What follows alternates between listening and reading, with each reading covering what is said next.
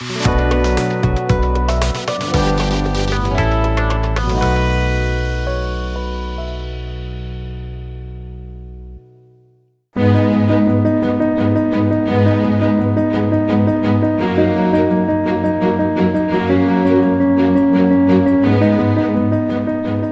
ဂလာပါရှင်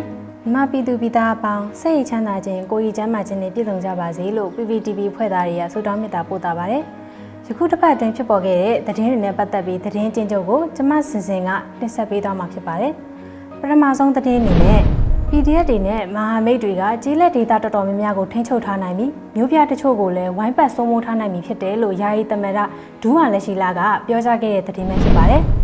မြို့သားညီညွတ်ရေးအစိုးရဦးဆောင်တဲ့ပြည်သူ့ကာကွယ်ရေးတပ်ဖွဲ့ PDF တွေနဲ့မဟာမိတ်တွေတိုင်းရင်းသားလက်နက်ကိုင်တွေကကြေးလက်တွေသားတော်တော်များများကိုထိန်းချုပ်ထားနိုင်ပြီဖြစ်တယ်လို့မြို့ပြတချို့ကိုလည်းဝိုင်းပတ်စိုးမိုးထားပြီဖြစ်တယ်လို့ယာယီသမရဒူးဝါလက်ရှိလာက AP 16ရက်မှာပြည်သူတွေကိုအတိပေးပြောကြားလိုက်ပါတယ်။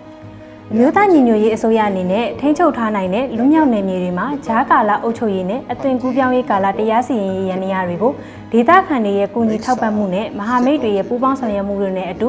စတင်ခေါင်းထက်ပေါ်ဆောင်ရွက်နေပြီဖြစ်တယ်လို့လည်းဂျာရီသမရာကြီးကပြောကြားထားပါတယ်။ဒါအပြင်အမျိုးသားညီညွတ်ရေးအစိုးရကတိုင်းရင်းသားအဖွဲ့အစည်းတွေနဲ့အတူအပြန်အလှန်ယုံကြည်မှုတွေကိုတိစောက်ထားနိုင်ပြီးပူးပေါင်းဆောင်ရွက်မှုတွေလှုပ်ဆောင်နေတယ်လို့ဆိုထားပါတယ်။ကြန့်ရှိနေသေးတဲ့တိုင်းရင်းသားအဖွဲ့အစည်းတွေနဲ့လည်း ညီညွတ်မှုကိုဆက်လက်တည်ဆောက်နိုင်အောင်အစင်မပြတ်စ조사နေတယ်လို့လည်းယာယီသမရကပြောကြားထားပါတယ်ရှင်။ဆက်လက်တင်ဆက်ပေးမယ့်သတင်းကတော့ပြည်သူရင်ဝင်ခိုလုံလာသူတပေါင်းနီးပါးတိရှိထားပြီးအကြောင်းမျိုးမျိုးကြောင့်အပြစ်မထွက်ဘဲအတွင်းမှာနေပြီးသတင်းချက်လက်ပို့ပေးနေသူများစွာရှိရဲလို့ပြည်အောင်စုဝန်ကြီးချုပ်ကပြောကြားထားတဲ့သတင်းပဲဖြစ်ပါတယ်။အကြမ်းဖက်ကောင်းဆောင်မင်းအောင်လှိုင်လက်အောက်မှာတာဝန်မထမ်းဆောင်ခြင်းတော့ပဲပြည်သူရင်ဝင်ခိုလုံလာတဲ့စစ်သားနဲ့ရေးအေးအတွက်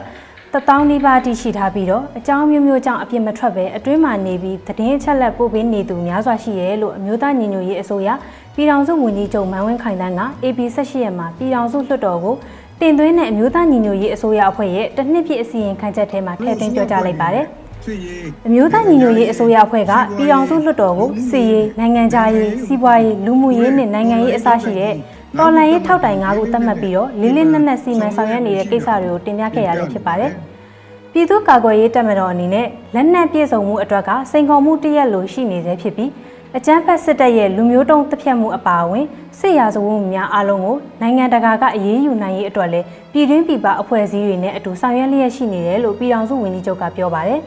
။အခြားဆက်ဆက်လုပ်ငန်းစဉ်ကြီးတွေဖြစ်တဲ့စစ်ကောင်စီကိုစီးပွားရေးတန်ခတ်အရေးယူနိုင်ရေးကိုကိုဗစ်ကာကွယ်ရေး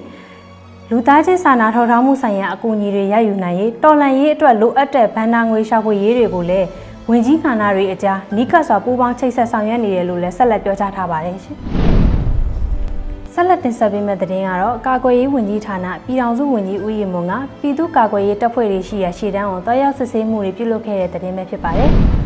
အမျိုးသားညီညွတ်ရေးအစိုးရကာကွယ်ရေးဝန်ကြီးဌာနပြည်ထောင်စုဝန်ကြီးဦးရီမွန်ကပြည်သူ့ကာကွယ်ရေးတပ်ဖွဲ့ဝင်တွေရှိရာရှေ့တန်းစစ်မြေပြင်ကို AP 16ရက်တကြံအကြက်နေ့မှာတွားရောက်စစ်ဆေးမှုပြုခဲ့တာဖြစ်ပါတယ်။မြို့သားညီညွတ်ရေးအစိုးရအနေနဲ့ကတနိုင်ငံလုံးအတိုင်းအတာနဲ့နယ်မြေစိုးမိုးထားမှုဧရိယာ90ရာခိုင်နှုန်းထိရှိထားတယ်ဆိုပြီးတော့လည်းတရားဝင်ထုတ်ပြောလိုက်ပြီလည်းဖြစ်ပါတယ်။ယာယီသမရဒူဝါလက်ရှိလာကလည်းလွတ်မြောက်နေမြေတွေမှာဂျားကာလာအုပ်ချုပ်မှုနဲ့တရားစီရင်ရေးတို့အတွက်လှုပ်ဆောင်နေရဆိုပြီးနိုင်ငံတော်အခြေပြုမိကုံးမှာထည့်သွင်းပြောကြားထားပါတယ်။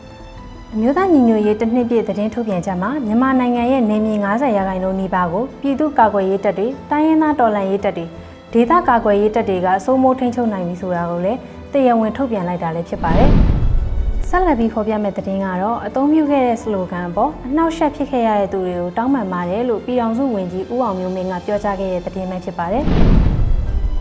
နယူးယောက်မြို့ကမြန်မာတိုင်းရင်းသားပြည်သူတွေနဲ့တွေ့ဆုံခဲ့တဲ့ပွဲမှာအသုံးပြုခဲ့တဲ့စလိုဂန်အပေါ်စိတ်နှောက်ယှက်ဖြစ်ခဲ့ရတဲ့သူတွေရှိရင်တောင်းပန်ပါတယ်ဆိုတာနဲ့ဝေဖန်ကြံပြုချက်ပေါ်ကျေးဇူးတင်ပါတယ်လို့အမျိုးသားညီညွတ်ရေးအစိုးရလူ့အခွင့်အရေးဝန်ကြီးဌာနပြည်ထောင်စုဝန်ကြီးဦးအောင်မျိုးမင်းကပြောကြားလိုက်ပါတယ်။အမျိုးသားညီညွတ်ရေးအစိုးရပြည်ထောင်စုဝန်ကြီးတွေနဲ့နယူးယောက်မြို့ရောက်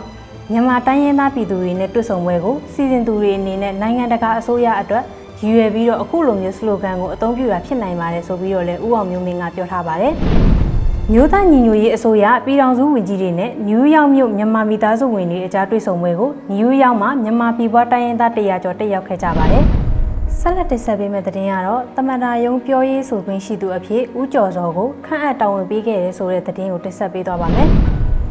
မမြို့သားညီညွတ်ရေးအစိုးရနိုင်ငံတော်သမ္မတရုံးရဲ့ပြောရေးဆိုခွင့်ရှိသူအဖြစ်ဦးကျော်စောကိုခန့်အပ်တာဝန်ပေးလိုက်တယ်လို့ယာယီသမ္မတဒူးဝါလက်ရှိလာကကြေညာချက်အမှတ်10မြင်းဆောင်2022နဲ့ထုတ်ပြန်ကြေညာလိုက်ပါတယ်။မြို့သားညီညွတ်ရေးအစိုးရနိုင်ငံတော်သမ္မတရုံးအနေနဲ့ပြည်သူလူထုနိုင်ငံတကာအတိုင်းဝိုင်းတို့နဲ့ပုံမချိတ်ဆက်ကအချိန်နဲ့တပြေးညီသတင်းစကားပေးနိုင်ရန်အတွက်နိုင်ငံတော်သမ္မတရုံးပြောရေးဆိုခွင့်ရှိသူအဖြစ်ဦးကျော်စောကိုခန့်အပ်တာဝန်ပေးလိုက်တယ်လို့ထုတ်ပြန်ချက်မှာဖော်ပြထားပါတယ်။ တမနာယုံပြောရေးဆိုခွင့်ရှိသူဦးကျော်စောကိုဆက်သွယ်မယ်ဆိုရင်ကျော်စော @nugmyanmar.org မှာတဆင့်ဆက်သွယ်ချိတ်ဆက်နိုင်တယ်ဆိုပြီးတော့လည်းထုတ်ပြန်ချက်မှာဖော်ပြထားပါတယ်ရှင်။ဆက်လက်ဖော်ပြပေးမယ့်သတင်းကတော့ကရင်အမျိုးသားအစည်းအရုံးကပထမဆုံးအကြိမ်ဖြစ်တဲ့ကိုရိုင်းစီမံခန့်ခွဲနိုင်တဲ့နယ်မြေ၅ခုကိုထုတ်ပြန်လိုက်တဲ့သတင်းပဲဖြစ်ပါတယ်။ကရင်မျိုးသားစီယုံ KNU ဗဟိုမြေယာကော်မတီကကရင်တမိုင်းမှာပထမဆုံးအဖြစ်နဲ့ဌာနေကရင်လူမျိုးစုတွေရဲ့ကိုရိုင်းစီမံခန့်ခွဲနိုင်တဲ့ဒေသအခေါ် ကော်နယ်မြေ၅ခုကို AB 14ရက်ကထုတ်ပြန်ကြေညာလိုက်ပါတယ်။ KNU ခရိုင်နယ်မြေနှစ်ခုဖြစ်တဲ့တာငိုခရိုင်အတွင်းမှာခိုပွဲတဲကောမွီးလိုခဲတဲကောကော်ယော်မူပဲကော်မူလာဟိနဲ့မူတရဖာဝန်ခရိုင်အတွင်းမှာကော်တေကူစတဲ့ကော်နယ်မြေ၅ခုကို KNU ရဲ့အတိမတ်ပြုမှုနဲ့တရားဝင်ပိုင်ဆိုင်စီမံခန့်ခွဲခွင့်လက်မှတ်ကိုပေးရခဲ့တာဖြစ်တယ်လို့ KIC သတင်းဌာနကဖော်ပြထားပါတယ်ရှင်။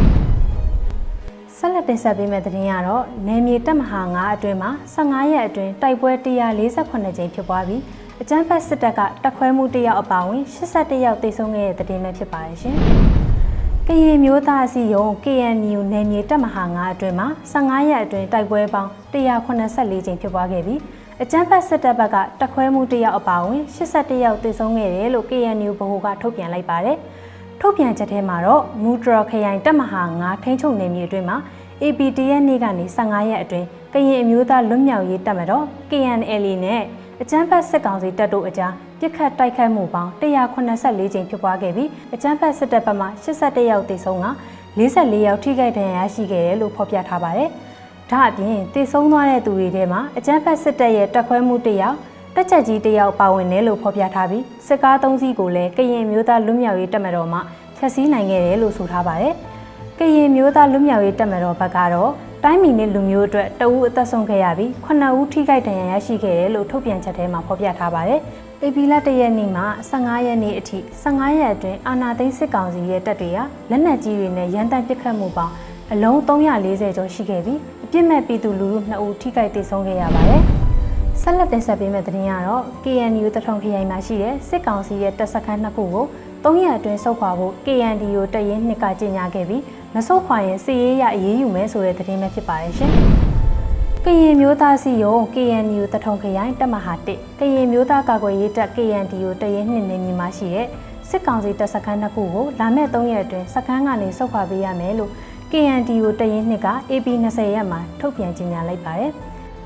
အဲ့ဒီနယ်မြေမှာတက်ဆွဲနေတဲ့အကြမ်းဖက်စစ်ကောင်စီတပ်ဖွဲ့ဝင်တွေရဲ့ 4K စခန်းနဲ့ဝင်းတာပန်စခန်းတို့ကို AP 23ရက်ညနေ6နာရီနောက်ဆုံးထားပြီးထွက်ခွာဖို့တတိပေးခဲ့တာဖြစ်ပါတယ်။တကယ်လို့နယ်မြေအတွင်းကျူးကျော်နေထိုင်တဲ့စခန်းတွေစောက်ခွာခြင်းမပြုရင်စီရေးရထိရောက်စွာရေးယူသွားမယ်လို့ကြေညာချက်မှာပါရှိပါတယ်။စစ်ကောင်စီတပ်ဖွဲ့ဝင်တွေအနေနဲ့ KNDO နဲ့ပူးပေါင်းလို့ရင်တတ်မှတ်ရမတိုင်မီဆက်သွယ်ဖို့ကြေညာချက်မှာ အတိပေးထားသလိုထွက်ခွာလို့ရင်လည်းထွက်ခွာရန်လမ်းကြောင်းနဲ့အချိန်အားတိကျစွာကြိုတင်ညှိနှိုင်းမှုကြေညာထားပါတယ်။နယ်မြေအတွင်းယခုကဲ့သို့ထုတ်ပြန်ထားပြီးဖြစ်လို့နနက်6နာရီမှာ